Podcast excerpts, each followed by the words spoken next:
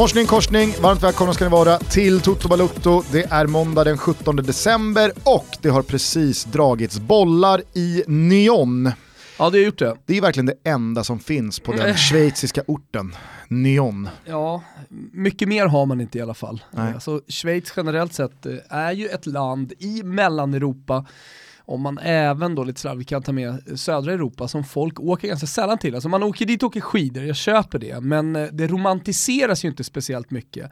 Eh, man eh, kan annars höra liksom de som, det finns ju en grupp människor som romantiserar hela liksom Berlinsvängen.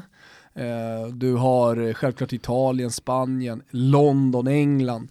Men Schweiz, ah, det finns inte många som verkligen så brinner för Schweiz. Det är Ja. Martin Åslund typ. Jag har ju mentalt checkat ut eh, från eh, Schweiz, alltså jag har raderat Schweiz som land. Nej men för att jag är skyldig Schweiz eh, pengar. Efter en, Har du en eh, ragge? Ja, nej, ja, ja, jo. Fast mindre liksom, eh, min, mindre tveksam. Mm, Du kan nog vara lugn där Gustav. Eh, du har ju avrått mig från att bortse från den här fakturan som den schweiziska polisen Nej, jag har har skickat rått mig. dig att uh, bortse. Ja just det, du har, Ja. ja.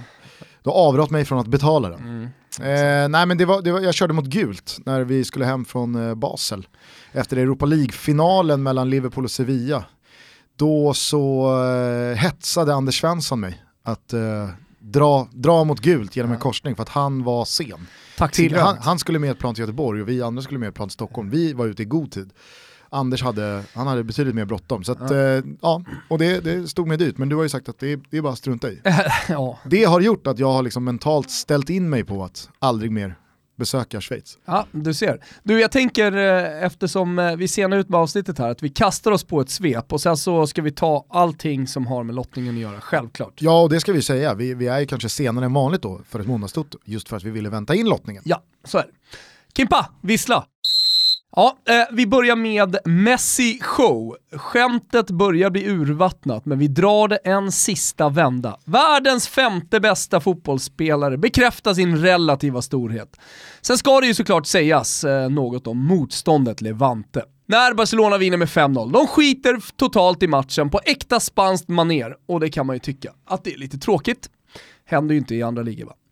Bra gick det för övriga topplag också. Griezmann är igång ordentligt. Benzema sköt tre sköna till ett krisande Real. Sevilla gjorde jobbet. Bara Valencia svek faktiskt där uppe i toppen. I Italien matade Juve på i målderbyt. Roma vann, trots tabbe av Olsen och Fiorentina piskade dit lilla syster Empoli. Simeone, han hyschade kurvan eh, och nu är det körning i Florens igen mot El Cholito. Det man däremot undrar när vi ändå befinner oss på stöven här va, det är ju VAR-gänget. Vad håller de på med? Varför blundar man för både Toro-straff och Genoa-straff i slutskedet? Ja, man blir inte riktigt klok på det där. Slutligen i Italien tar vi ut omgången svensk. Oskar Hiljemark stormtrivs under nye tränaren Prandelli. Ett mål samt skytt när Olsen fumlade. Snart måste han väl vara given i landslaget. Konstigt bortglömd där på bänken kan jag tycka. I England fortsätter Liverpool sin eh, fina poängsvit. Ja, jag skrev det igår. När Manchester United känns lätt som vatten. Ingen blöder för klubben längre, inga hjärtan slits ut och kastas på gräset framför motståndarna. Det finns inget som längre är genialiskt med Mourinhos fotboll, lika lite som Lukakos någonsin varit en fotbollsspelare som på något sätt förtjänar attributet. Om vi måste ge Manchester United en utmärkande egenskap när vi nu står inför att summera 2018 så är jag i alla fall betydligt närmare dårar än genier. Trots alla pengar har man sedan Fergusons avsked inte lyckats hänga med konkurrenterna. Och om jag ska vara helt ärlig så hade Liverpool lekstuga. Hazard hörni! Belgaren är tillbaka i målprotokollet efter en tids måltorka. Och ingen är gladare än Maurizio Sarri som liksom pumpar på bakom suveränerna i toppen. Arsenal däremot kan man inte riktigt säga samma sak med. De har inte lyckats förvalta energin från segern i The North London Derby. Lacazette på bänken, Iwobi från start. Äh men allvarligt, hur jävla svårt ska det vara att sätta bästa elvan på plan? Å andra sidan så måste jag landa i Hassenhüttel och inte minst Charlie Austin. Arsenal-dödaren Charlie Austin. Må han få vara skadefri resten av säsongen. Vi avslutar svepet med en liten svensk målkoll. Inga mål för Mikael Ishak, trots eh, 20 minuter i fredags. JG, ja han spelar ikväll, men inleder såklart på bänken. Däremot, hörru du Gustav, noterar vi kasse för Emil Bergström och dubbla ass för Simpa Gustafsson när Utrecht borta vann mot Heerenveen. Ja, det är väl lite kul? Man får verkligen leta efter poängsvenskar där ute i Europa. Ja, men då tycker jag ändå att du gör ett, eh, ett litet Ken misstag här. Ja, du missar Ja. ju Kansemas Ja, eh, första på- målgivande passning. Jag är med på att Ken Sema gjorde mål, men eh, han får liksom komma med. Premier League är Premier League. Nej men alltså så här, jag tycker ju att... Det här var eh, liksom övriga Europasvep. Han hade kunnat fått plats i Englandsdelen där, men, Mm. men jag- eh, han kan vi ta här nu. Ja, nej men för att eh, i, eh, i en landslagstid där det har varit väldigt mycket liksom frågetecken kring just Kansema. Han Mm. missade ju VM-truppen på målsnöret och många undrade varför och sen så kom det då en höst där man tänkte att ja, ja men nu är det väl inget snack om att Kansema ska vara en given del av den här truppen. Men utelämnades till och med när en Emil Forsberg var skadad eh, och då sades det att ja, men han har inte fått spela speciellt mycket. Han Mm. gjorde ett par inhopp ändå kan jag ju tycka och jag vet inte, länge, jag vet inte hur, hur mycket man ska ge för det argumentet när vissa av landslagets bärande spelare tidigare år har suttit i betydligt kyligare boxar än Ken Sema i, i Watford. Men nu har han ju två raka starter och Ja, Watford eh, ser ganska fint. bra ut och han ser ju bra ut. Och... Ja, men det, det som är så fint är att han har hela tiden gnuggat på, han har aldrig klagat eller gnällt. Hej, han är, gör sin första Europasession, så det hade väl varit uppseendeväckande om han hade gnällt, men ändå att han har liksom borrat ner huvudet och jobbat sig in i den här startelvan. Och känslan nu efter poängen är att han är kvar där och Watford går ju bra dessutom. Så det är kul att spela fotboll i Watford nu, det är kul att vara Ken Sema. Eh, Har du hickat klart? Ja, jag har hickat klart. Ja, Ja. Bra. Eh, nej men, eh, vi, vi kommer säkert eh, tillbaka till eh, Premier League snart. Det, det, man, måste ju, man måste ju landa i, i eh, den där 3-1-vinsten för Liverpool mot eh, Manchester United. Men, eh, kommer du ihåg för några veckor sedan när eh, just Liverpool vann mot eh, Everton Mm. med ett sent, mycket, mycket märkligt mål. Eh, Van Dijk drog den rakt upp i luften, den studsade ner, landade på några slappa döda prinskorvar fingrar från Pickford, studsade två gånger på ribban, ner till Divock Origi som tryckte in 1-0 Mm. i 95.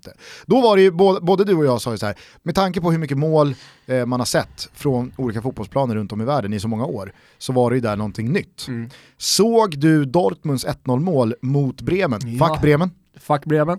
Gjorde Ja. ju jobbet Dortmund och vann med 2-1. Ja. Knöt man ju näven hemma i, näven. hemma i soffan. Visst. Nej, men så, du såg 1-0 målet? Yes. Som eh, Paco Alcacer gör, eh, succéspanjoren i detta Dortmund som eh, fortsatt är obesegrad i Bundesliga, leder välförtjänt och eh, öser in mål. De har en frispark, ytterzon, deras eh, succé-ytterback, i alla fall vad gäller Champions League, han har väl typ så fyra mål på Mm. 220 minuter, Rafael Guerreiro. Eh, har väl inte flugit lika högt i ligaspelet, men han i alla fall, han och Marco Reus står, Guerreiro med sin vänsterfot och Reus med en högerfot, så står de och dividerar då vem som ska ta den. Det slutar med att Guerreiro sticker iväg en löpning rakt ner mot eh, kortlinjen, men stannar av i, och, och får det att se ut som att så här, och jävlar vilket missförstånd det blev och Mm. Royce ser liksom konfunderad ut eh, och, och, och så ser det ut som att de ska liksom börja om Mm. själva frisparken. Då går Guerreiro tillbaka mot bollen och tar ett par snabba steg, slår den med inåtskruv.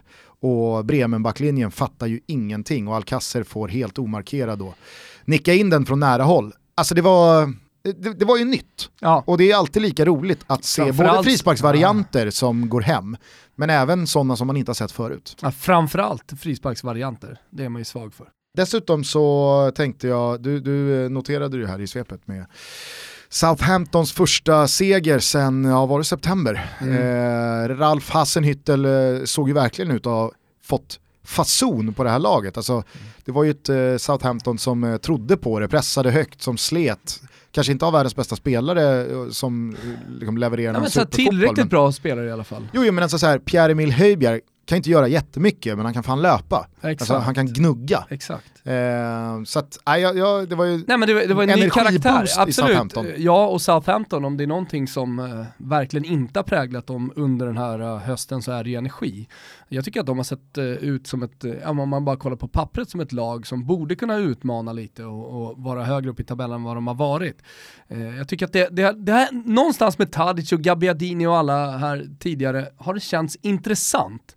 Eh, nu har man lite mer brittisk eh, stämpel på laget liksom med Danny Ings och Charlie Austin eh, och så vidare. Eh, men det har inte funnits någon energi, det är det. Eh, nu i det här laget så var det ju liksom spelare som, som gjorde jobbet för varandra. Helt plötsligt kändes man som ett lag. Eh, och man trodde på det hela tiden. Sen så tycker jag att man får lite hjälp av, eh, av ett Arsenal som är totalt lågenergiska. Om vi nu ska stanna och, och ha det som någon slags eh, tema på den här matchen. Eh, som jag sa i svepet också, alltså man utelämnade Lacazette, eh, man spelar med Iwobi som fortfarande inte har flugit i Arsenal, jag vet inte vad man ser i honom. Eh, jag ser i alla fall ingen edge i Iwobi. Och det, det, det, blir så jävla märkligt efter den här segern på hemmaplan mot Tottenham när både du och jag sa att fan nu, nu kommer det nog gå bra alltså. Nu, nu lyfter nog Arsenal. Nu vann man ju senast, visserligen knappt då i slutet, men, men det såg inte bra ut. Och så gör man återigen en sån här match. Alarmklockorna borde ha ringt då när det inte funkade. Mm. Och, ja, jag tycker bara att det är så jävla märkligt att man inte bara trycker på gaspedalen här nu. Det är precis ingen, vad eh, min paisano från Graz, eh, österrikaren Hassan Hüttel gör. Det var ingen eh, succéartad Premier League-comeback för Laurent Koscielny kan man ju inte säga. Nej, och sen är det är ju någonting med Arsenal och deras släpande löpsteg. Så du har, eh, okej okay, om du har någon som släpar med fötterna och inte ser speciellt snabb ut. Du har Özil som kommer in, du har Guendouzi, du har Iwobi, eh, nu är inte Torreira riktigt det där släpande steget, men det, det, är för många av de här offensiva spelarna. Jag tycker inte Mkhitaryan är riktigt sådär kvick som jag såg honom som spelare en gång i tiden i Dortmund. Alltså det, det, det, saknas fart. Och då behöver man både Lacazette och, och Aubameyang, tycker jag, där framme eh, som kan eh, då ställa till oreda. Det, då händer någonting med Arsenal. Då tycker jag de ser intressanta ut i anfallet. Mm. Eh, om det var avsnittets eh, Ralf Hassenhüttel-fokus eh, så håller vi också lite koll på då Cesare Prandelli som har tagit över Oskar Hiljemarks Genoa. 1 plus 1 från eh, Hiljemark mm. igår borta mot Roma det är faktiskt helt otroligt att Roma vinner den här matchen. Mm. Det är de ju inte förtjänta av. För fem öre, eh, du, du fick det med också att eh, de, de, ska ju ha en straff i slutet. Och jag tycker det är så jävla märkligt, eh, i synnerhet så här, en dag som denna också, när man slår på stora trumman in i honom att nu kommer VAR till Champions League och Europa League från och med åttondelarna och sextondelarna. Och det är dagen efter man återigen har liksom man, man, man, man vet vilka brister det finns. För att både vad gäller eh, Genoa, Eh, och deras icke-straff som de ska ha mot Roma och så har du ju då Torino mot Juventus. Alltså, mm att, att, man inte kollar de situationerna. Ja, det, är, jag, det är så jävla sanslöst. Ja, och man är inne på i studion efter att ja, man kanske inte ska kolla den situationen. Jag förstår inte riktigt resonemanget heller. Eh, men, men eh, dels tycker jag att den är ganska uppenbar om man tar då båda domarna hur de står. Sen har man ju förstått det av Stefan Johannesson som vi har umgåtts med under hösten. Att eh, ja, från vissa tv-bilder så kan det se väldigt klart ut men, men inte alltid därifrån där vi står. Vi kollar på så mycket och det är många intryck man ska ta in. Men i det här fallet kändes den så jävla solklar. Oh, Ja, liksom, Satsas man... är ju, den är ju den är 100% straff. Ja men då, är man, då, då menar ju vissa då på, framförallt Juventini, eh, på att han håller ju också i tröjan innan han blir liksom dragen. Eh, men det tycker jag, där är det snarare kamp, att de håller i varandra. Men sen när han drar till honom så att han faller, för det, det, där är ju, han tappar inte balansen bakåt eh, på grund av någon förstärkning, utan han drar ju bak honom och han ramlar. Mm. Jag, jag, tycker, och jag tycker att balansen på honom också är ganska stark, alltså. han står stadigt där, Tsatsa. Men eh, som du säger, alltså, det, det, är märkligt att man inte utnyttjar VAR och att det inte sägs till i örat att här, här händer det någonting. Mm. Stopp och belägg och att han kan få springa ut och kolla på den i alla fall. Flax i alla fall för Robin Olsen att eh, det blev tre poäng för Roma. För den där tabben, hade den kostat några poäng, då hade, då, det är i alla fall känslan, att då hade ju Robin Olsen som en av få spelare som under en väldigt tung Roma-period ändå har kommit undan med heden i behåll och eh, liksom absolut inte har varit den man har hängt eller kritiserat eller anmärkt på.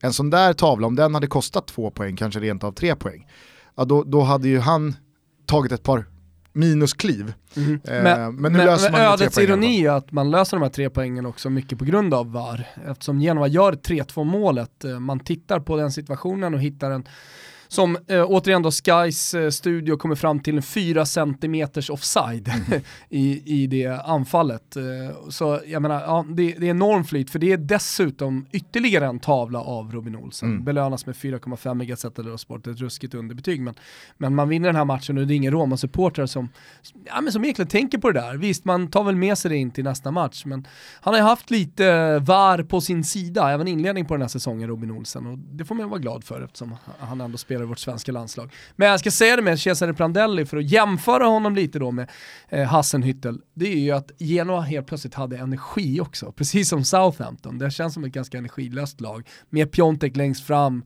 eh, stor målskytt och eh, liksom, det är tack vare honom lite de har flygit. Nu känns hela Genoa, hela alltså, laget, för mig har alltid varit ett lag som har haft mycket energi när de har spelat. Mim, nu är de tillbaka. Mimmo, Mimmo avstängd. Mimmo avstängd, spelar inte den här matchen. Faktor. Eh, såklart. Eh, nej men eh, jag, jag, jag undrar också vad den här Roma-segern gör för Di Francescos framtid. Nu eh, verkar det ju verkligen vara ett unisont missnöje från supporterna att man har man har Ja, men- totalt ruttnat på Palotta. Eh, Jo, men- det, är liksom, nu, nu, det här kan inte få fortgå. Med, med risk för att jag säger eh, att jag missar någon, men eh, som man alltid gör det på de italienska arenorna, ropar upp uh, spelarna, det gör man på alla arenor. Eh, så buade man på precis alla utom Zaniolo och De Rossi, kan ha varit någon till. Eh, och det största liksom, buropet eh, fick ju såklart eh, Palotta sen och det var väl 50-11 banderoller utanför och innan på emot presidenten. Det, det liksom, finns ingen harmoni överhuvudtaget i, i, i laget. Jo, största buropet av de de ropa, ropar upp får ju Di Francesco. Och då ska man komma ihåg att Di Francesco är en gammal Roma-spelare som lyckades bra hade en fin karriär i Roma. Vann ju, menar så- vann ju scudetton. Ja, men nu har man tröttnat och när en italiensk kurva har tröttnat, ja men då, då vinner man inte tillbaka någonting. Alltså, det, det krävs typ tio segrar i rad för att reparera detta. Nej, och, det, och, så, och det, som är, det som verkligen är speciellt med detta Romas kräftgång och vad man nu kan göra eh, åt det, det är ju Monchis roll i det. Som har kommit in som verkligen framtidens Romas chef, alltså han som ska ratta bygget, han har ju satt sin prägel på, det här, eh, på den här truppen eh, till 110%. Och då blir det också lite som så, men om nu Di Francesco har fått den här truppen att jobba med av Monchi, vad, vad säger det då om Monchis fortsatta roll? Eh, då, ska ju, då ska ju nästa tränare in med samma spelare, Monchi lär förmodligen fortsätta eh, ja, men, färga truppen så som han vill. Och det jag tycker att han har gjort fel, det är att han, alltså han, har, ju, han har ju bytt ut för många erfarna etablerade spelare för snabbt Men han har gjort det han är unga. bra på. Alltså det han har gjort hela tiden i Sevilla. Är det någon som har varit bra så har man sålt. Alltså, och det, det kommer ju från att Palotta, presidenten, vill ha det så. Och det, det är ju också en av grundanledningarna till att eh, kurvan är irriterade. Mm. Alltså det, det görs inte ordentliga satsningar, man, man, man urvattnar truppen och, och, Och jag, tycker att landar man det, här. och jag tycker också att det är märkligt att man, att man inte insåg från början att det är en otrolig skillnad på Sevilla och Roma i form av att Sevilla alltid har Barcelona, Real Madrid, Atletico Madrid, vissa säsonger något lag till framför sig i hierarkin och i rangordningen och det är, det är, inte, det är inte jordens undergång om man missar Champions League. Eh, man har vunnit Europa League tre säsonger i rad och man har då liksom en titel, man kanske har en femteplats, vissa säsonger landar man en Champions League-plats och allting är då frid och fröjd. Roma kommer ju med helt andra Jo, kravbilder jag brukar, med helt jag andra brukar förutsättningar. jämföra dem lite slarvigt med Liverpool ibland. Eh, Alltså det, det är eh, supportrar vars självbild eh, och när man tittar på sin egen klubb eh, menar på att man ska vinna titlar, alltså man ska i alla fall gå för det, man ska utmana de här titlarna. Så uteblir hela tiden titlarna eh, och det har det gjort för Liverpool också. Till slut kommer man till ett läge där liksom en Champions League-plats inte räddar någonting. Utan eh, man vill gå för det och ända sedan man liksom började sälja Pjanic eh, till Juventus, alltså göra sig av med några av de bästa spelarna och sälja inhemskt till sin största konkurrent och Juventus tog det här klivet ifrån. Ja men då, då har man ju också börjat tröttna och jag förstår dem. Eh, alltså för, som sagt, återigen, deras självbild är ju att Roma ska vara med och slåss om de här titlarna. Och jag är helt övertygad om alltså, att eh, Liverpool-supportrarna också kommer att börja i något läge eh, bli irriterade om det är så att man inte vinner någon titel till slut med under, under Jürgen Klopp. Alltså jag, jag, jag skulle vilja sträcka mig så långt och säga att fan, vinner man inte i år, då är frågan om eh, Klopp vinner någon ligatitel och då är det fan frågan om det inte blir lite körning i, i Liverpool om vi står här om ett år och Liverpool är tre. Ja, nej, det- Ja, men de är betydligt mer kräsna ska man veta än vad jag tror gemene lyssnare i alla fall till oss eh, tror. Time will tell, två andra lag som vi följer eh, lite titt som tätt här i Toto Balutto, det är ju Monaco och Sunderland. eh, jag såg eh, Lyon-Monaco lite parallellt igår med Roma-Genoa. Sorgligt. Sorgligt Det det, att se Monaco. De har en man utvisad, de ligger under med 3-0, det är en halvtimme kvar. Lyon slår jag på takten för att vara schyssta mot Monaco. Det är... Men finns det ingen så här ljusglimt, någon Thielemann Nej, som ser nej, fin ut eller Falcao som... Falcao ser ut att liksom, eh, jag vet inte, han, han, han börjar liksom på växel 21. Det är så segt och han får inte upp farten och det är trögt. Och där bak försöker liksom Radji mana på gubbarna. Radji, och att han är där. Glick ser ju också liksom, han vet att ska jag lägga av nu eller ska jag bara, ska jag orka casha Han tänker ju in? bara på Il Derby de la Mole den här helgen. Nej, och, och eh, vad heter ryssen, eh, Golovin. Golovin, han tog väl rött va? Ja, det, det, det, vet, så här, det, ing, ingenting stämmer. Nej. Och det blir lite som i Nej, Roma. när, det vi, blir när vi lite- nämner de det här spelarna. Golovin, Falcao, Thielemans, eh, ja men fan, Kamil Glick som ändå har stoff och substans liksom i, i mitt, eller bidrar med det till mitt försvaret. Fan, det borde kunna gå betydligt bättre med det spelarmaterialet. Ja, kanske, eller så ska man inse att de, de är inte, Nej men så i slutet dåliga... av 2018 Jo, så är de ju inte kanon. heller. Nej, jag håller med, men så här dåliga så är de ju inte. Nej, jag, jag skulle bara, en snabb, eventuellt lite haltande jämförelse med Roma. Att jag har Nej. också känslan av att det är lite för många, lite för unga spelare på ett och samma bräde samtidigt i detta Monaco. Det blir liksom Men inte en återigen- eller två 19-åringar som då ser spännande ut och får växa in i kostymen jämte klassspelare, utan det blir 4, 5, 6, 18, 19, 20-åringar som har 10 seniormatcher innanför västen. Problemet då, då är... blir man uppkäkad borta mot ett lag som Lyon. Alltså det går inte att lura supportrar. Nu har inte Monaco det följet som Roma har. Det är inte den eh, piazzan. Men, men problemet är att man kan inte lura supportrarna. Man förstår att allting handlar om att köpa in ungt, spännande, göra dem till etablerade spelare och sen sälja så att presidenten kan tjäna pengar. Det är vad det handlar om i Roma. Och det är vad det handlar om i Monaco också. Ja, det var hur som helst eh, faktiskt lite smärtsamt att se Lyon vara schyssta mot Monaco genom att säga okej vi har 3-0, vi behöver inte vi behöver inte trycka på det här öppna såret ännu mer. För övrigt jävligt spännande att se hur de ska lösa det här i Frankrike med tanke på alla uppskjutna matcher här nu på grund av allt eh, stök som president eh, Macron har eh, ja, varit någon slags katalysator till. De här gula västarna har ju, det, det har väl blivit liksom från Paris så har det liksom spritt sig eh, som en löpeld över hela landet. Och så är det oroligheter. Och det här var ju andra eh, ligaomgången som då eh, har, Matcher som, som har eh, ja, mer eller mindre eh, ställts in helt och hållet. Och då blir det så här, det har varit VM-sommar så att man kommer igång någon vecka senare än vanligt. Det är ett tajt schema, eh, inga matcher får spelas post Champions League-finalen eller för nära Champions League-finalen. Så att, att fan alltså. Senast, senast, senast vi såg något liknande var, måste det ha varit The Big Freeze, Gusten, 62-63 i England. När hela den engelska fotbollen frös inne. Ja, kunde man ju höra på Ikea va? Ja, ja det kunde man höra. Ja. Det kunde man höra. Jag berättar alltså eh, ny, äh, nyårshistoria, men julhistorier från den engelska fotbollen. Jag berättar om Boxing Day, The Big Freeze, eh, om Alan Dunn, Millwall-spelaren. Det finns ju inget land heller som har så många inhemska kupper som Frankrike. Nej. Det är ligacupen och det är franska kuppen och det är, jag tror att det finns en att det var till. FA-cupmöte där 62-63 som Blackpool stod som värd för, som var tvungen att skjutas upp 14 gånger eller någonting sånt där.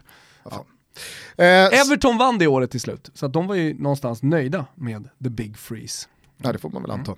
Sunderland då, hur tror du det går för dem? Håller du koll?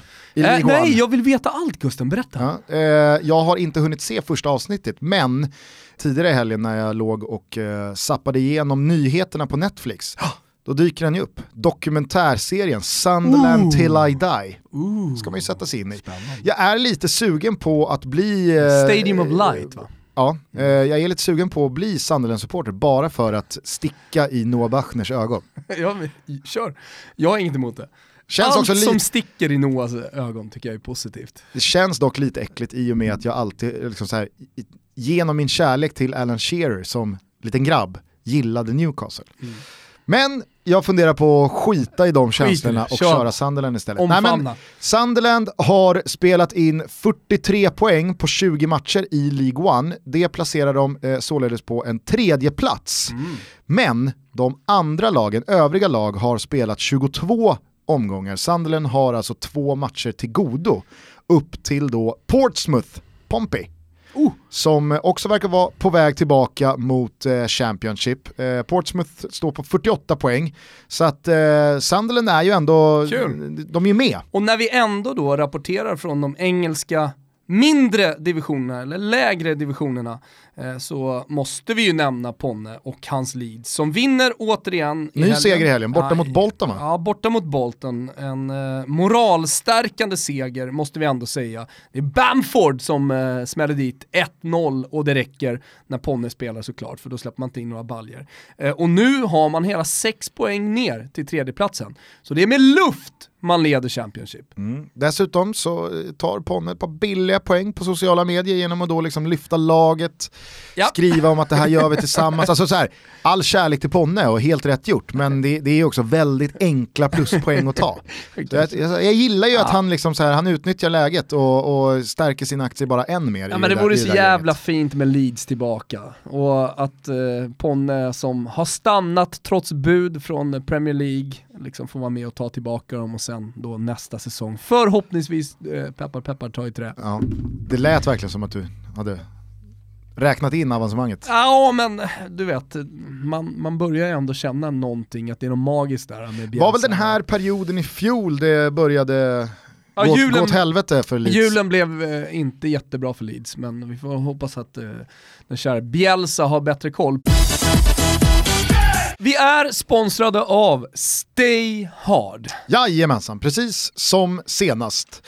Eh, och det är ju nu eh, bara en vecka kvar till julafton. Så att vill man vara extra fin eller kanske redan nu säkra upp sin outfit till eh, nyårsafton så tycker vi att eh, man verkligen ska kika in Stay Hards festkampanj som de har satt ihop tillsammans med Jimmy Durmas. Mm. För 1799 Barubas så får man en kostym med eh, skjorta eller polo. Ja, det är en jättebra deal. Och sen så vet ni ju sen eh, senast här att eh, även eh, vår lilla kollektion, Selected by Toto mm. finns på stayhard.se jul. Där finns såklart eh, en massa andra specialerbjudanden också. Och vill man hinna lägga vantarna på en sån här ugly Christmas sweater, då börjar det bli lite bråttom. Ja, det börjar brinna lite. inte för att liksom, leveranserna är tröga och sega från Stayhard, tvärtom. Utan bara eh, för att tidens tand tuggar sig närmare och närmare julafton. Ja, Ni förstår självklart det, det, är ju så enkelt. Eh, selected by eh, Toto Balutto, jättefina saker som Gusten har tagit fram. En svart eh, skjorta, en grå tröja och så de här feta filapjucken som jag sitter med Gusten. Mm. Eh, Stayhard.se är adressen, Toto är rabattkoden för 20% och vi tillsammans med Stayhard eh, hoppas att alla är väldigt spiffiga och välklädda till eh, högtiderna som nu väntar. Ja, vi gör ju det. Tack så mycket till Stayhard. På tal om pony! Pony, pony. Så har eh, han också skrivit på sociala medier att eh, han är sugen på away days. Han vill ner till Chelsea, så vi kastar oss över Europa League-lottningen. Malmö FF fick alltså, ingen kan ju ha missat det när ni hör detta, Chelsea. Vilken lottning alltså. Mm. Det är väl typ den Europa League 16-delen som är värd att orera om. Sen vill man ju till Champions League 8-delarna. Mm. Men jag menar, jag tycker, jag tycker att eh, Malmö ska glädjas åt den här lotten snarare än att gräva ner sig för att det är ett tufft motstånd och nu är ju inte Maurizio Sarri direkt känd för att rotera, men eh, precis innan den här matchen mot Malmö så spelar man tufft i, eh, i Premier League, eller hur? I ligan. Mm. Eh, och eh, således så borde han ju rotera mot, eh, mot Malmö FF. Absolut, och jag tycker att även, fast, även fast Sarri spelade samma elva eh, hela tiden i Napoli så var ju det i Serie A och Champions League. Nu har han ju haft en höst med Chelsea i Europa League där han sannoliken har roterat. Mm. Alltså, och pratar gott också om eh, flera av de här spelarna som inte fått lika mycket speltid. Ja, och till skillnad från tiden i Napoli så finns det ju också en bredd vad gäller elvan som gör att Chelsea som lag Nej. i Europa League klara sig mycket väl med ett mittbackspar av liksom Gary Cahill och Christensen snarare än Rydiger David Luiz. Du kan spela Zappacosta och Emerson istället för Aspilicueta och Alonso. Det är, dug, alltså det är, det är, det är bra Och nu verkar han ju ha bestämt sig för att på Napoli-vis spela med tre stycken små spelare, snabba, tekniska fram och inte med nummer nio. Morata har inte gjort någon speciellt glad och Giroud eh, är väl fast på den där bänken. Nej, i ligan alltså, då? Så, alltså, nej, i ligan, det är det jag menar. Så, så att jag menar så här, i, i en sån här match så borde man ju få se Morata, Giroud, men det kommer ju oavsett vad bli ett bra lag. Ja, och jag tror, alltså på, på, på ett sätt så kan det nog vara gynnsamt för Malmö att eh, få ett lag som Chelsea i den perioden av Premier League. Alltså de har Manchester City i nära anslutning till den här matchen. Man kommer garanterat eh, ha massvis att spela för, om det så är en eh, liksom häng på en toppduo eller om det är Champions League-plats eller mm om man kanske har halkat bakom då så, så, så kommer det finnas väldigt många incitament för att Chelsea har allt att spela för i ligan. Att då åka till kalla Sverige, möta Malmö FF med spelare som ingen känner till, det kan nog smygas in en del underskattning. Jag tror att väl, alltså väldigt många i Chelsea-led, de har ju bara liksom ryckt på axlarna åt att de har fått Malmö och konstaterat att ja, ja bra, då, är vi, då behöver man inte ta ut sig i en sån match. Mm. Och Malmö hemma på stadion i ett sånt läge, nu blir, det väl, nu blir det väl speciellt att se om Malmö kan uppringa en toppform under den tiden på året. Alltså tidigare har det ju varit ja, det eh, sensommar, augusti eh, och under hösten, men då är ju svenska lag igång. Nu blir det ju en ny situation för Malmö där de ska vara på topp i mitten av februari. Ja, problemet är ju dessutom, inte bara då att eh, man befinner sig i februari, eh, men under sommaren då kan man alltid hitta motstånd eftersom hela Europa är, är borta om man behöver en träningsmatch. Men nu är alla ligor igång. Så för att hitta motstånd, för att sparras igång inför den här matchen så, så blir det ganska tufft. Ja, men det blir nog ryskt, eh, ukrainskt, eh, Shakhtar brukar ju vilja, vilja värma också. Eh, och så finns det säkert några, det är klart att några gäng lösa, La Manga. Men eh, jävla, jävla kul att se hur Rössler tar den här matchen.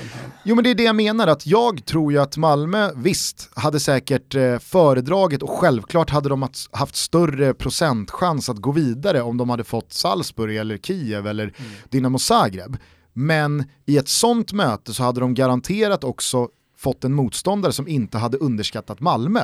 Jag menar Salzburg har åkt två gånger mot Malmö FF. ja, ja. Eh, det, hade nog, det hade nog varit den värsta jävla motståndaren ja. som de kunde få, Salzburg. Dinamo, Dinamo Zagreb har också tagit sig förbi Malmö FF på minsta möjliga marginal bara för några Just. år sedan. Och Dinamo Kiev, jag menar de tror inte jag åker till Malmö och underskattar. Så att jag menar, nu får de ett lag som de kan komma taggade till tusen mot och som förmodligen åker dit med vänsterhanden med ett roterat lag och med en tro att skulle det här på något sätt skita sig så tar vi dem hemma. Då får jo. vi ställa ut Hazard och, och grabbarna på, på Stamford Bridge då. Men äh, jag, jag ser fram emot den här matchen. Klart att som neutral så är det här roligt. Fan. Och jag tror att alla spelare och, och supportrarna känner det. Fan.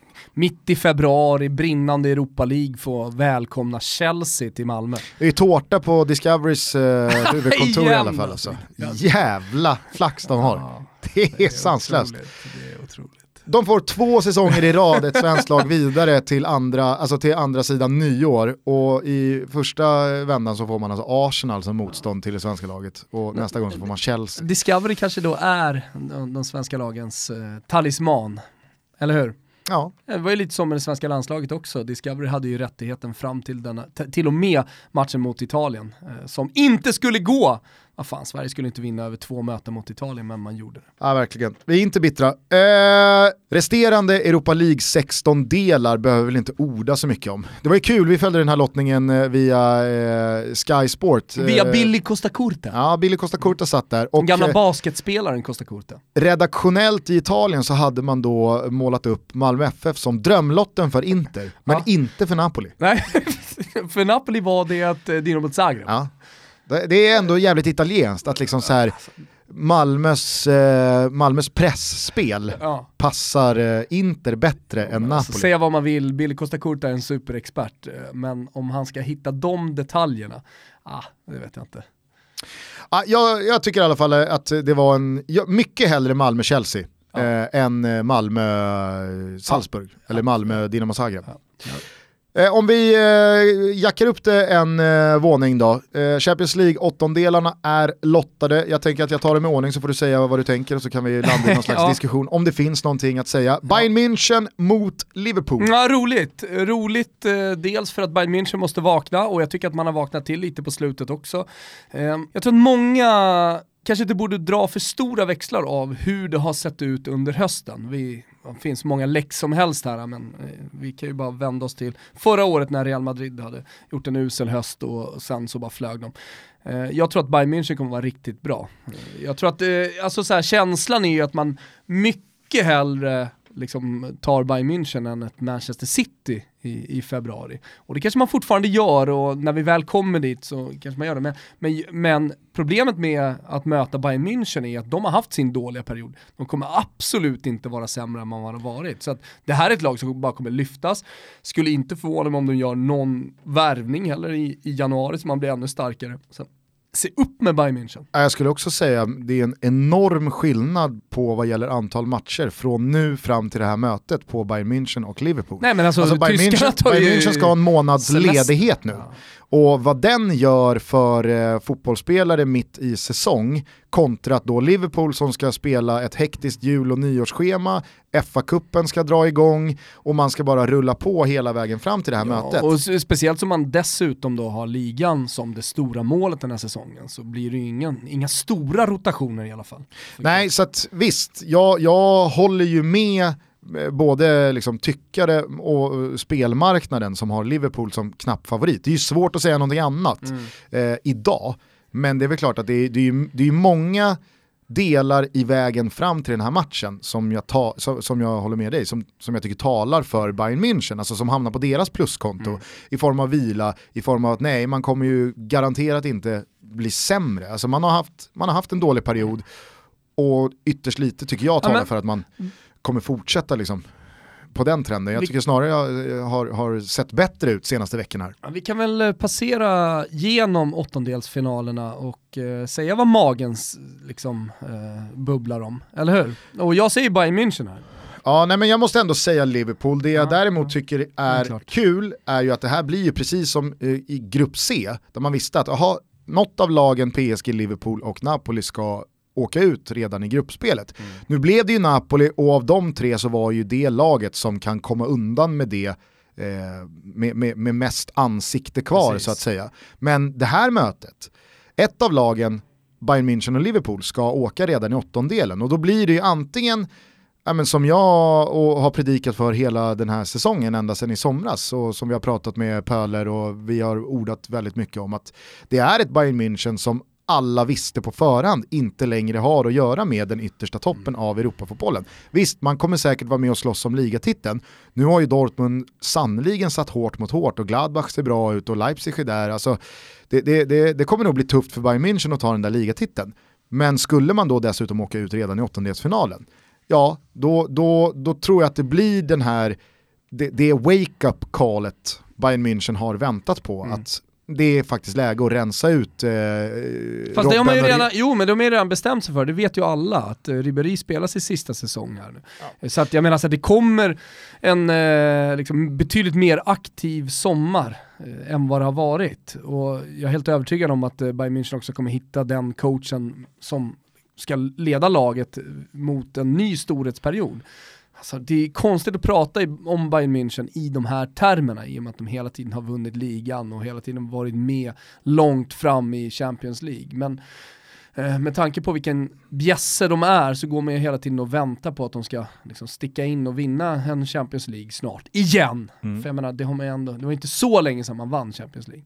Han eh, gjorde det ju mot eh, sin tidigare klubb då, Borussia Dortmund, när eh, han slog ut dem över två matcher i Europa League. Nu blir det ju ytterligare då ett litet eldprov för Jürgen Klopp på sin vandring mot någon slags eh, tron eh, i, i tränarvärlden. Alltså kan han skicka ut stora stygga Bayern München som har varit hans antagonist under så många år som tysk tränare, då blir det ju ja, ytterligare ett steg mot framgång. Men samtidigt, så, så, alltså på din linje där att ja, supportrar går inte att lura och med alla de miljarder som har satsats och med, med den titeltorkan som varit, skulle Liverpool åka i åttondelen eh, samtidigt som man inte vinner ligan, man har redan bränt sig i ligacupen, jag vet inte hur mycket en FA-cup eventuellt tröstar någonting. Men klart man blir girig och man börjar skruva på sig, var är titlarna? Vad har vi mer? Eh, Manchester United mot PSG. Du sa ju innan vi gick in i studion, äh, det där löser United, men det gör de såklart inte. Grejen är ju också så här, ja visst det kommer ett januarifönster, men vad kan, vad kan Manchester United... Det är något med PSG. Nej.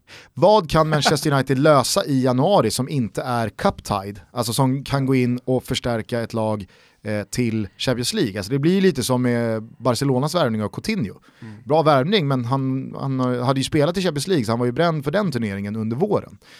Jag vet inte riktigt vad Manchester United ska göra i januari, förutom då att liksom skeppa Mourinho. Fan, deppigt då om man åker ur åttondelsfinalen mot PSG eh, och sen så har man ligan kvar och kämpar om en Europa League-plats.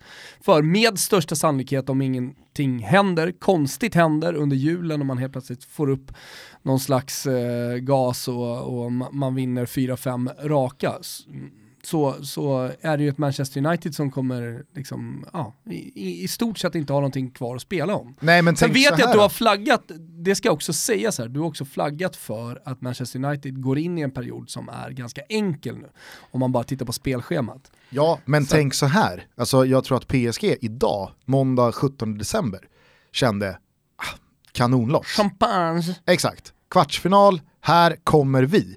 Men Minns vad som hände PSG för ett år sedan. Då fick de Real Madrid som hade gjort en usel höst med vem på tränarbänken? Eh, ja, Zinedine Zidane. Precis. Tänk om United nu i veckorna skickar Mourinho, plockar in Zidane, Pogba tar sig tillbaka till startelvan, eh, Alexis Sanchez börjar flyga, Martial och Rashford eh, kör på, Lukaku börjar göra Nej, mål. Men blir så bra som de är. Egentligen. Exakt, De Laurentiis kanske till slut accepterar miljardbudet på Koulibaly. Han kommer, du vet såhär, okay, ja, han, inte, han, han, blir kapten, ja. han får inte spela. Men du fattar vad jag menar, att det finns ju en utopisk möjlighet ja, att PSG springer in i ett Zidane-lätt lag som har vänt 180 grader och bara forsar fram. Mm. Nej, men nu kommer inte det hända. Det verkar som att Mourinho sitter säkert. Eh, men, men det var väl ändå... Säg, säg en riktigt svag eh, jul då. Du skrev ju, du skrev ju du, du, eh, i dessa liksom, miljöalarmerande tider så tyckte jag det var fint att du eh, återanvände din krönika i svepet ja. då, som du skickade ut på Expressen Ja igår. men det, det ska man göra. Ja, återvinning och så, och så vidare. Nej, Frågan men, är hur många, som hur många som lyssnar och hur många som läser. Jag misstänker att fler lyssnar. Så det, det får det är man nog många som läser. Hur som helst, där var du ju, du, du skrävde ju inte orden. Alltså Nej. börja rensa upp i klubben, eh, rensa ut all skit, börja med Mourinho. Mm. Eh, såg du när kameran landade på Sir Alex Ferguson igår, han satt på läktaren, mm. och han bara satt och skakade på huvudet. Mm. Det var ju någon så här Jo, men man Kanske skulle själva ta... sinnebilden liksom av vad United av idag är. Ja men som när ägarna sitter där och det har ju också kablats ut eh, på sociala medier tidigare från i höstas när man förlorar och man, man kan läsa på läpparna att, uh, att han bara säger sack him. Eller hur? Mm. Så att jag menar, det, det är ju några grejer från läktarsektionen här uh, som talar för att det inte direkt är harmoniskt i styrelserummen heller. Det är ju en gubbe som försvarar honom fortfarande. Jag tror så här, PSG, de, jag ser inte hur de där tre, fyra grabbarna längst fram i PSG inte ska göra mål på Old Trafford i första matchen. Nej. United behöver ju en 2-0 att gå på mm. eh, om det här ska bli match. Men gör PSG mål på Old Trafford då är det liksom Nej, då är det klappat och klart. Eh, PSG är rättmätiga storfavoriter med två månader kvar. Såklart. Ajax Real Madrid. Ja, där ska nog Real Madrid inte vara så kaxiga. Vi har sagt det också i Toto tidigare, men jag är extremt imponerad av Ajax. Alltså. Full, full förståelse för att eh, Real Madrids eh, trupp är betydligt större och de kommer ställa större stjärnor på, på planen. Men eh, Ajax är bra. Ja, Ajax har ju spelat... Magkänslan ett... säger Ajax. ja men det säger du ju bara för att du vill ja, sticka ut hakan. det är klart jag gör, men eh, det finns ändå magkänsla som säger någonting om Ajax. Mm. Sen att de går vidare eller inte, jag menar, det löser väl Benzema i slutändan, men ändå, någon, någonting finns eh, i Ajax som gör dem speciella den här säsongen. Att Ajax går fram som en ångvält i Eredivisie, det kanske man inte ska dra allt för stora växlar kring. De vann väl med 8-0 igår mot De Graafschap. Ja, men alltså Ajax är riktigt bra. Ja, jo, jo det var det jag menade. Blir inte förvånad om det går till, Roma gick till fucking semifinal förra säsongen, det är klart att Ajax också skulle kunna göra det. Det var det jag skulle säga att även fast man kanske inte ska dra jättestora växlar av storseger på storseger i holländska ligan, så är ju deras två matcher mot Bayern München väldigt imponerande. Mm. Alltså, jag tycker de förtjänar segern på Allians och i sista gruppspelsmatchen så är det ju ändå en gruppseger att spela om, så det är inte något roterat Bayern München som rycker på axlarna och skiter i det. Uh, och nej, jag, jag, jag, jag, håller ju med dig om att uh, Ajax är ju inte vad Ajax har varit de senaste 4, 5, 6, 7 åren, alltså för ett Real Madrid, ett lätt byte. Uh, så det kommer nog bli en jävligt rolig match. Det jag, tror jag. Jag tror att Ajax kommer nog liksom så här naivt blåögt pumpa sig liksom, mm. med självförtroende och intala sig själva att det här kan vi göra. Ja. Sen är det ju några spelare i det här eh, Ajax-laget som eh, har de stora klubbarna, klubbarnas ögon på sig i, i den här matchen också. De Ligt, eh, mittbacken, eh, du har de Jong, mittfältaren som, ja, vad jag hör i alla fall, ska gå till Barcelona eller Juventus. Jag vet att PSG har varit där och ryckt också, men, men, men det är spelare som är betydligt bättre än vad man tänker när man ser en spelare man aldrig har, har uh, sett lira fotboll förut och bara hör de Ligt eller de Jong. Det här är namn som kommer liksom klinga ganska högt om ett par år. Verkligen, jag tror att eh, det är, det är närmare än så. Mm. Eh... Jo men innan det sätter sig. Alltså innan de blir etablerade i de här klubbarna som jag pratar om, vilket jag är helt övertygad om de kommer bli. Okay. Schalke 04 mot Manchester City. Ja. Det här är ju... Eh, ja, det kan, bli, det kan bli en eh, måldifferens på åtta ja. valjar. Jo men på tal om att vara naiv, jag tror att eh, Schalke kommer vara ganska naiva på hemmaplan i den här första matchen. Alltså de kommer gå in med en inställning att fan, nu kör vi bara så får vi se vart det landar. Det är ju några år sedan Schalke var i den här fasen av turneringen. Nu får någon lyssnare rätta mig om jag har fel, men jag vill tro att senast de var i den här fasen så var det Real Madrid som var eh, motståndare och då var, Där kom tweeten som rättade. Ja, men då var de naiva hemma på Feltins. Eh, låg under då med 6 0 eller 6-1 i 92 minuten när då Benedikt Hövedes känner att jag hänger inte med till Madrid. Så att han går ju och tar ett sånt jävla faktiskt shit-rött och blir avstängd i returen. Ja. Eh, så att nej, jag, jag, ser framför mig att det här eh, det, det kan bli, det, det kan bli ugly. Mm. Roma-Porto. Mm, de två sämsta lagen från de olika potterna. Jag skulle säga drömlott för båda lagen. Ja men så är det ju. Alltså Roma kunde ju inte få en bättre lott eh, vad gäller gruppettor. Och Porto kunde ju inte få, ja, Schalke kanske då. Eh, det beror på vad Roma är i de kunde februari. Inte få Schalke, här... Nej, de kunde inte få Schalke. Nej, de spelade i samma grupp. Samma, ja. exakt. Nej, så det var, väl, det var väl Roma eller Ajax då ja. för eh, Porto? Ja, och i dagsläget så tar jag faktiskt Roma före Ajax. Eh, och sen så kan det ju hända mycket på en månad. Är Di Francesco kvar?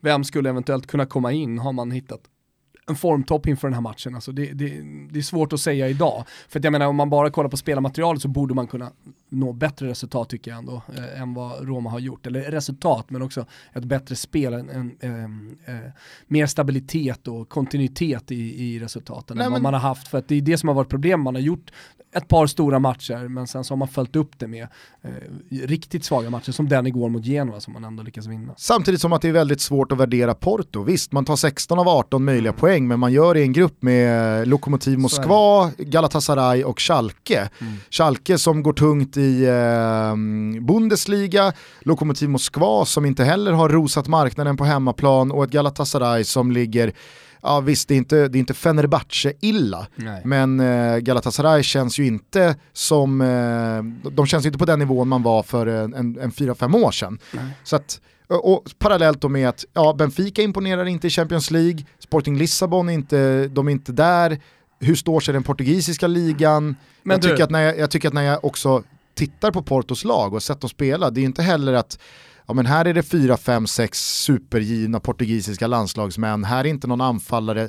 Visst, de har, vad heter han, Moussa Marega, han har väl eh, gjort flest mål, men det känns ju inte som en, alltså en, en Falcao, eller du fattar vad jag menar, att någon som ska till nästa mm eh. Men var är alla nu då som skriker Uefa Real Madrid, Uefa Bayern München, som menar på att lotterna alltid är uppgjorda? Var är ni nu då? Skrik om Porto som fick världens enklaste grupp och som nu fick Roma. Uefa Porto, var är ni? Barca fick ju ändå Lyon. Okej okay då. Ja, men det är alltid roligt, för det ska alltid gapas och gassas som varma bollar. Men vad, vad, fan är, det, vad är det Real Madrid-supportrarna säger? Som alltså har tre raka Champions League-titlar. Uefa Låna. Ja, Uefa Låna. Eh, nej men Barca-Lyon, alltså vi har ju Vilka plussat... Real Madrid-supportrar säger det? Nej, men innan vi tar Lyon-Barca då, eh, Roma-Porto. Hur, jag... Det, det är omöjligt att säga för man vet inte vad man har Roma i februari. Det är extremt svårt. Okej, då ska jag tala om för er, det här löser Roma. Ja men de är, de är såklart favoriter, om man nu bara pratar odds så ska de ju vara där 55% favoriter ungefär. Så att eh, ja, det, det, är inte så mycket mer att säga.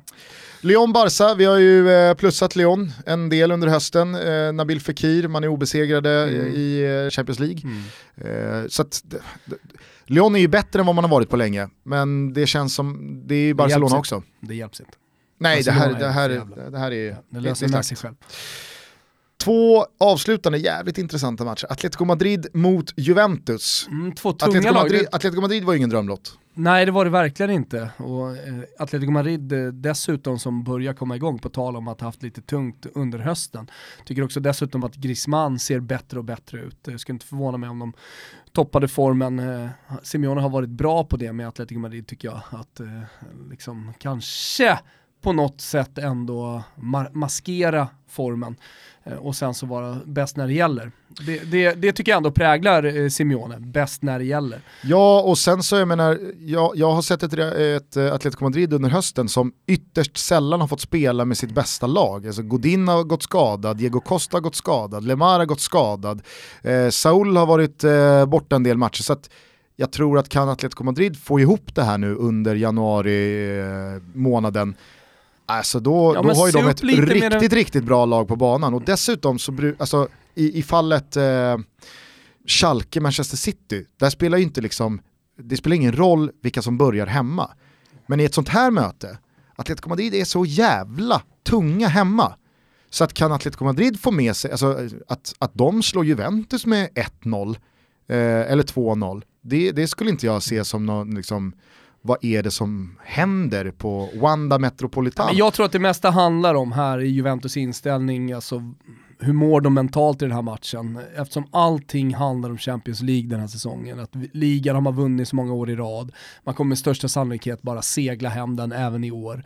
Eh, och när man hör Juventus-spelare, man hör eh, ledningen prata så är det ett jävla fokus på Champions League.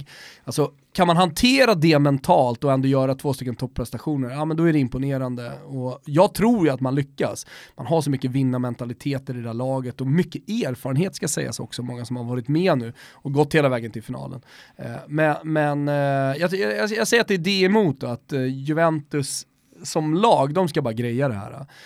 Men kan man, kan man klara av den mentala passion också? Det, det, är väl, det är väl frågetecknet här. Alltså Juventus är sjukt bra. Och man har dessutom Cristiano Ronaldo i laget som man inte hade förra säsongen. Så, ja, de, de, är, de är tydliga, klara favoriter här. Jag säger ändå Atletico Madrid här. Ja, okay. Jag låter hjärtat styra. Var, varför? Eh, ja okej, okay. ja, du gillar inte Juve. Ja, ja. Jag går bara på magkänsla, nej men Juventus är klart de grejer det här. Jag, all respekt till Atletico. Alltså jag ser Atletico Madrid slå Juventus hemma första. Jo men det är ett scenario. Men hur många gånger har inte Ronaldo gjort mål? Borta mot Atletico. Han kommer vara extra taggad inför den här matchen också. Han har ju bara puttrat på här under, eh, under hösten. Får dessutom tänka på att Atletico Madrid spelar ju för en final på hemmaplan. Ja. Alltså, ja. Champions League-finalen spelas ju på Wanda Metropolitan. Händer ju aldrig. Nej, nej, okej. Okay. Ja, jag säger Atletico Madrid i alla fall. Eh, sista åttondelen, Tottenham mot Borussia Dortmund. Skruvar man tillbaka klockan ett drygt år så hade de eh, varandra i gruppen. Då var det klasskillnad mm. de här två lagen emellan. Sen dess har ju extremt mycket hänt, inte minst med tyskarna. Eh, Dortmund flyger ju fan högre än någon höll jag på att säga, under Lucien ja. Favre, eh, obesegrad i Bundesliga, öser in mål, eh, stod ju för kanske hela gruppspelets mest imponerande insats när man gjorde 4-0 på just Atletico Madrid hemma. Tottenham å andra sidan, där är det ju lite så paralleller till Bayern München. Man har inte gjort någonting på transfermarknaden utan man har litat till det laget man har haft ett tag. Eh, samtidigt så har man inte imponerat spelmässigt under hösten men har ju fått med sig resultaten mm. ändå. Mm. Även fast man kanske inte har superhäng på Liverpool så är man ju långt ifrån bortspelade och man vinner. Jag tror däremot att Tottenham, precis som Bayern München, de kommer liksom inte bli sämre utan de kommer bli bättre ju längre den här säsongen lider. Eh, så att, nej, ja, det, det man, man halkar vidare lite på ett banalt skal också. Alltså, här ser ju hela min mage Borussia Dortmund. Jag säger Tottenham. Jag, nej, jag, jag tror att eh, här... här eh, Alltså de är oddsfavoriter, det ska sägas. Men Mm. det är någonting med Borussia Dortmunds säsong som jag tror kommer fortsätta flyga. mm, nej, jag tror att eh, här blir liksom, eh, det, det blir svårt. Sitta, ja. Vet du vad det blir? Det Sitter blir- vi och gissar här? Jag gillar inte den typen av spekulationer. Det man däremot kan säga är att Dortmund också går för ligan. Eh, Så om det är någonting som talar emot då, om det är ett tufft spelschema, nu får ju de också tre veckors ledigt i solen. Men, men ändå, om det, om, om, det, om det ska rotera så, så bör man vara lite försiktiga med Dortmund i alla fall om man, om man lutar åt det hållet. Ja, men ibland så kan, man, kan man ju bli lite obstinat och säga att just Dortmund, när det är dags för den här matchen, då kommer ju viktigpettrarna komma fram. Är som säger att Tottenham kommer slå Dortmund lätt. Ni verkar uppenbarligen ha missat eh, hur, hur Dortmund har eh, sett ut under Lucien Favre. Så att, därför håller man ju på Tottenham i den här matchen. Man vill ju tysta alla viktigpettrar som Erik då ska Niva, komma... Nah, Simon Bank, ah, Tobias Wimnell. ja, men det är ju det är Tottenhams support. Ja, där har du den största anledningen till att inte vilja att Tottenham ska gå vidare. Ja, nej, för mig, är det, för mig är det betydligt skönare. Det var ju- Jävla vet- vet- många som vet- är Tottenham-supportrar, så jag blir så vet du- trött på dem. Vet du vilka som kommer eh, dissa Tottenham och framhäva Dortmund som att ni som tror att Tottenham kommer slå Dortmund, ni förstår uppenbarligen ingenting om fotboll. Vet du vilka som kommer göra det? Liverpool-supportrarna. Exakt samma människor som menar att Peru skulle liksom flyga högt i, i eh, Ryssland i somras. Folk börjar prata om Peru. Som att... Eh, Fick liksom, inte vi en del vad är det här, vad är det här för ett litet blåbär? Ja, fick inte vi en del skit för det också? Jo. Peru och... eh, jag att- fick det i alla fall efter att ha gett betyg i... Jag fick skit för att jag dissade Marocko. Ja, Gick ju okej. sådär för Jag pratade Marocko om, då. ja, det jag pratade om är Expressens eh, VM-guide Ja. där eh, jag hade gett för, för låga betyg till Peru, tyckte många. Nej men alltså, Eller jag, många, vad jag, kä- jag, kände, jag kände liksom ingenting negativt för Peru. Fram tills alla viktigpettrar stack ut hakan och näsan upp i vädret och sa liksom, vadå, har du, har du missat Peru? Vet du hur bra Peru är? eller? Mm. Peru är fan bäst. Vet du, vet du många nu? För som- många kommer Peru många- vara en chock. Men för mig, för, mig som har, för mig som har följt peruansk fotboll länge här nu va, oj oj oj, håll i er, spänn fast säkerhetsbältena. Nu åker vi, Vet du vad? ut det, är, efter två det är matcher. så otroligt många som lyssnar på det här som inte har en aning om hur det gick för Peru den här sommaren i Ryssland. Nej. Ja, Peru gjorde väl, gjorde väl ett mål tror jag. Mm, Nej, det var besvikelse. Eh, så att eh, nu tar jag ju, alltså jag har ingenting emot Dortmund. Det är ju bara de här viktigpettrarna jag har någonting emot. Ja. Så att, eh, come on you Spurs! Med det sagt då så kan vi väl eh, stänga ner eh, Champions League eh, åttondelslottningen. Det är ju som sagt två månader dit, mycket ska ske, eventuellt görs värvningar, vissa lag ska vila, vissa lag ska växla upp i intensitet. Men jag, jag hoppas i alla fall, det vore kul om United skickar Mourinho, Zidane kommer in och Det så är det det liksom tre, fyra, tre, fyra veckor av champagnefotboll där det bara liksom bara flyger fram på Old Trafford. Sir Alex står liksom och rycker eh, tröjan på läktaren och kör liksom bar Uber och ah, fy fan vad fint. United kommer i den här matchen med, med, med så otroligt mycket luft under vingarna. Ja. Pogba börjar dunka sina långskott och Ja, ja. Alexis Sanchez har dribblingsräder. för Lukaku. Lukaku gör mål på allt. Lukaku gör genialiska löpningar igen. Ja, nej, det, och, och de Gea liksom släpper ju inte in en boll. spika igen. Mm. Lindelöf blir otroligt bra. Nu blev det inte så jävla mycket surr om den här Liverpool mot eh, United-matchen, Eh, men, men det kanske inte Ja, det finns ska ju- behöva vara. Det finns så mycket att konstatera bara från den här matchen. Att eh, tycker Liverpool det var är så bra som man är, Ja. man är totalt dominant. Jag såg att man sköt 34 skott, eh, även om Manchester United lyckas kvittera lite turligt. Vet du vad jag också Så är man aldrig statistik? nära. Vet du vad jag såg för statistik? Nej. Alla spelare i Liverpool hade minst ett avslut. Ja, du ser. ja, men det, det säger någonting om Klopps eh, totalfotboll, den nya totalfotbollen som Mm. Jürgen Klopp spelar. Men det är mot Manchester United, rivalmatch, eh, då, då ska det inte se ut på det här sättet. Det, det, det var pinsamt Ja. att se Manchester United. För det- alltså pinsamt på det sättet att Liksom, om, man, om man då tar eh, supporternas ord i sin mun, Mm. är du med? Det, det ska inte se ut så här. Nej, och jag menar det finns ju en rad exempel på matcher där United liksom har eh, sett riktigt, riktigt dåliga ut under det senaste året. Men jag tycker ju var, det var ju mer smärtsamt att se United igår mot Liverpool, eller för några veckor sedan mot Manchester City. Mm. I en sån match mot en uttalad rival, eh, mot lag som de fortfarande ser på som lillebror, att då vara så totalt, totalt utspelade, än när det går segt och trögt hemma på Old Trafford mot Crystal Palace eller Burnley eller Young Boys eller vilka det nu är. Det är, det är mycket jobbigare att se United i en sån här match. Samtidigt... För det blir så mycket tydligare. Mm. Samtidigt är man lite trött på att hela tiden racka ner på Manchester United. Alltså hur många kröniker ska man skriva om Mourinho? Nu måste han gå snart så att det, det finns nya uppslag att eh, diskutera kring och, och, att vända och vrida på vad det gäller Manchester United. Men, eh, ge, ge, oss den. Men de vann i Turin. Va? Vilken jävla seger borta mot Juve. Nej men ge oss det nu ägargruppen. Alltså, gör oss den tjänsten snälla rara. Hörni, eh, nu väntar ju eh, jul och nyårstider även för oss. Eh, vissa som kanske hoppat på det här tåget under året eller inte minns hur det har fungerat tidigare år kanske undrar så här, kommer Toto Balotto ta någon slags juluppehåll? Svaret är nej. Det gör vi aldrig. Eh, vi tänker så här att vi kör på som vanligt den här veckan, sen så kommer det bli ett gästavsnitt typ dagen innan julafton, mm, kanske på julafton. På julafton. Eh, sen så är det ju boxing day och sådär, så att, mm. då kör vi väl ett... Eh, Nej men då ska vi prata fotboll såklart. Då ska vi prata fotboll och sen så ska vi väl du och jag köra lite så här Toto Balutto Awards, brukar mm. vi göra. Årets Eh, och så vidare. Ja, och så vidare. Massa olika kategorier. Sen... Vä väldigt, väldigt lättsmält avsnitt eh, precis när 2018 blir 2019. Precis, sen så på nyårsdagen och några dagar senare så får ni två delar vårt eh, 2018 sammanfattande eh, avsnitt tillsammans med Erik Niva som blev jävligt bra. Ja, det, man gillar Erik Niva och det blir alltid bra med honom. Eh, jag tycker att det kanske var det bästa vi har gjort med honom hittills. Så eh, det, det är väl ganska trevligt när man sitter i bakfyllan och vaknar upp på, på nyårsdagen att få Erik Niva stämma. Exakt, nytt år men samma gamla Toto. Mm. Eh, så att eh, ni behöver inte oroa er, Toto-båten fortsätter eh, tuffa fram på Lite ett speg spegelblankt hav. Ja, mm. verkligen. Med det sagt då, eh, fortsätt eh, höra av er på alla sätt och vis. Vi lovar också att eh, den här tröjutlottningen från Musikhjälpen i fjol. Ja, den alltså, går i mål här nu snart. Ja men den går i mål och vi, det har varit... Det är många som har hört av sig. Ja det är många som har hört av sig. Det har inte varit helt enkelt att få in alla de här tröjorna så vi kan göra utlottningen. Nej och sen så ska vi väl också säga att vi har ju varit för dåliga. Och ja, så, vi, det, absolut, absolut. Vi ber om ursäkt för att det har tagit så här lång tid. Ja. Eh, några saker som ska sägas innan vi stänger ner här. Eh, först och främst grattis till Marcus Lindgren som vinner en Xbox. Xbox eh, var ju så generös och hade en tävling. Vem ska bort? Det var ju såklart eh, Zlatan som skulle bort. Alla som följer på Instagram som såg det hade vi eh, fyra bilder då. Och Zlatan skulle ju bort för att han var den enda som inte hade tränats av Sir Hasse Backe. Eh, flera som hade rätt där, men eh, det är alltså Marcus Lindgren som kniper Toto Balutto-lösningen. Du Xbox ser till så att eh, vi eller Xbox kontaktar honom. Jajamän, det sköter jag. Ja, så att det inte blir, det kanske finns fler Marcus Lindgren nu som mm. tar chansen. Mm.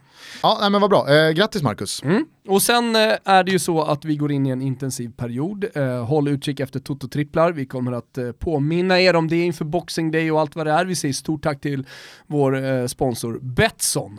Mm. Och eh, slutligen även Strive eh, som är med i Toto Balotto-båten och som flög i helgen med eh, kommentatorer. Det var härligt att få höra Kristoffer Kviborg, eh, Adam Pintorp och det ska bli kul att höra en snuvig, hostig Kristoffer Svanemar debutera som kommentator i Atalanta Lazio på måndagskvällen.